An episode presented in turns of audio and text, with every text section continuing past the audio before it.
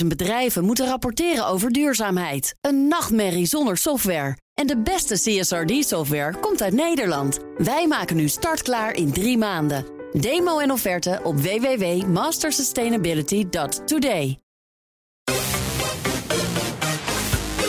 Minigame. Je luistert naar weer een nieuwe minigame waarin we elke twee weken een recent verschenen game bespreken. Vandaag weer met André Dortmund. en mijzelf, Joe van Buurik. Want André, wij en vooral jij hebben weer een recent verschenen game gespeeld die best wel indruk maakt in Ja. bepaalde opzichten. Ja, Atomic Heart.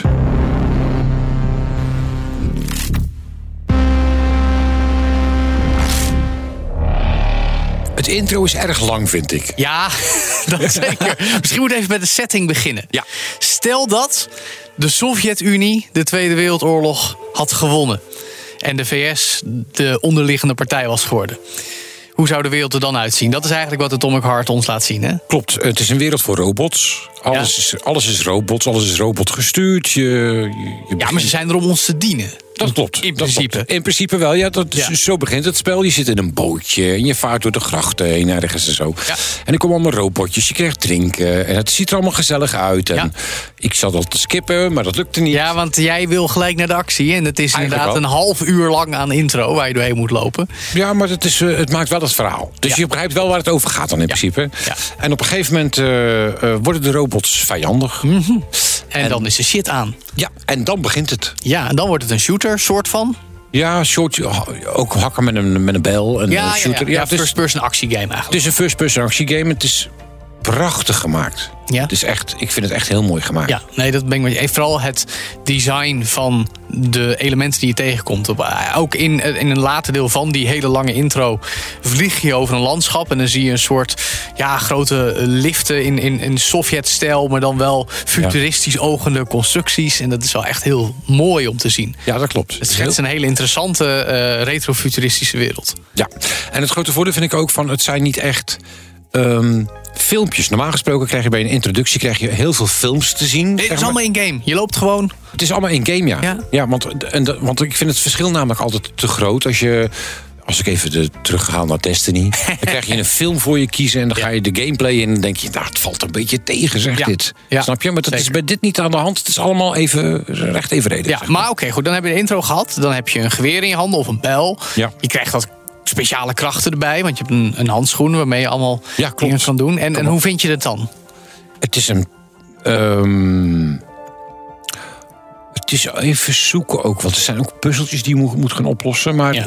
die krachten moet je even oefenen. Moet je even, even eh, R1 en L1 moet je even onder controle krijgen. Je- Ja. Als je één keer op L1 drukt, of R1 drukt, dan, ehm, dan gebruik je je handschoen. Ja. Druk je hem twee keer in, dan kun je dus, eh, heb je een bepaalde visie over het hele spel. Ja, je kan, je kan Maar alles scannen. Dan kun je alles scannen, ja. Dus, eh, dus dat verpest het ook een beetje, vond ik. Want je ziet dan eigenlijk al twee kamers voordat je bij een kamer in kwestie bent, wat voor vijanden en objecten daar zitten. Ja, je kunt al zien eigenlijk waar de vijanden zitten. Ja. Dus Ja. ja. aan de Ja. ene kant is het wel makkelijk, maar aan de andere kant is het ook weer een beetje inderdaad sfeer. sfeer Nou ja, en, en de ja. vijanden zijn best pittig. Dus op zich is het ook weer niet heel erg. Dus Dat vond ik ook tegenvallen. Ja. Ja, ze komen met krachtige aanvallen die je moet ontwijken, anders krijg je gelijk flink wat schade.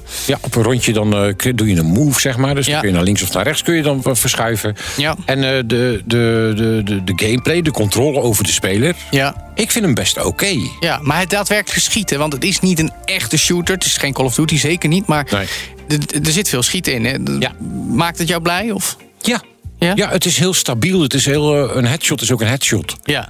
Snap je? Dus Ja. als je op het lichaam schiet, moet je twee keer schieten. Schiet je op het hoofd, moet je, hoeft maar één keer te schieten. Ja, oké, zo simpel wel. Ja, ja. Ja, zo simpel is het dan wel. Maar ik bedoel, de, de, de, de, je, hebt, je hebt verder niet echt gevecht tegen mensen. Het is heel erg tegen robots van Ja, allerlei maar, soorten. ja, ja, ja, ja. dus dat is toch een beetje anders dan zeg maar dat je met de kogels op het vlees van je tegenstander schiet, zou ik maar zeggen. Dus je hebt een Dat andere klopt. impact van die je wapens maken. Hè? Ja, klopt, klopt. Ja. Eh, en wat ik, ook eh, wat ik ook een beetje nadeel van het spel... je moet alles doorlopen. Elk kamertje moet je... Want je kan iets onderweg vinden. Ja, nee, dat klopt. Dat, dat, daar krijg ik ook altijd een beetje jeuk van van dit soort games. Het is in principe een lineaire game, maar je wil ook een kamer af. En op een gegeven moment heb je wel een stel open gebieden... waar je allerlei kanten op kan. Ja.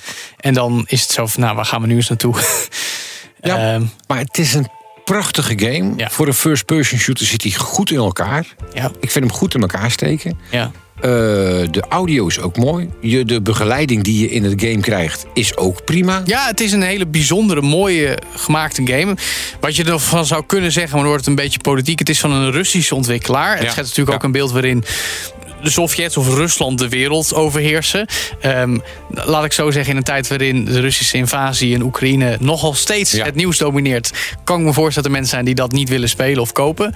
Ehm, maar dat tot, tot zover, want het is, wel, ja, het is wel een bijzonder spel. Het is niet de allerbeste game ooit. Nee, het is niet de allerbeste, maar het is wel een prachtig spel. Nee, het, is, het, het maakt wel indruk, ja. Alleen Ja. ook qua artstyle. Dat, dat moet gezegd Ja, en als je eh, zegt van nou, ik wil een, een leuke first-person shooter... die ook met puzzeltjes, want er zitten ook veel, veel in. Ja, het doet mij erg aan Bioshock denken. Dat wou ik net zeggen tegen je. Ja. Ja. Ja, ook qua stijl. Maar dat was dan wel juist het heel Amerikaanse. En, maar inderdaad ook met krachten en schieten. En puzzelen, wat dat betreft. Ja. ja, ja, toch leuk. Ja, toch leuk dat het is. Nou, dat dus over Atomic Heart. Nu verkrijgbaar op de PlayStation 4 en 5, de Xbox One en Series X en S en de PC.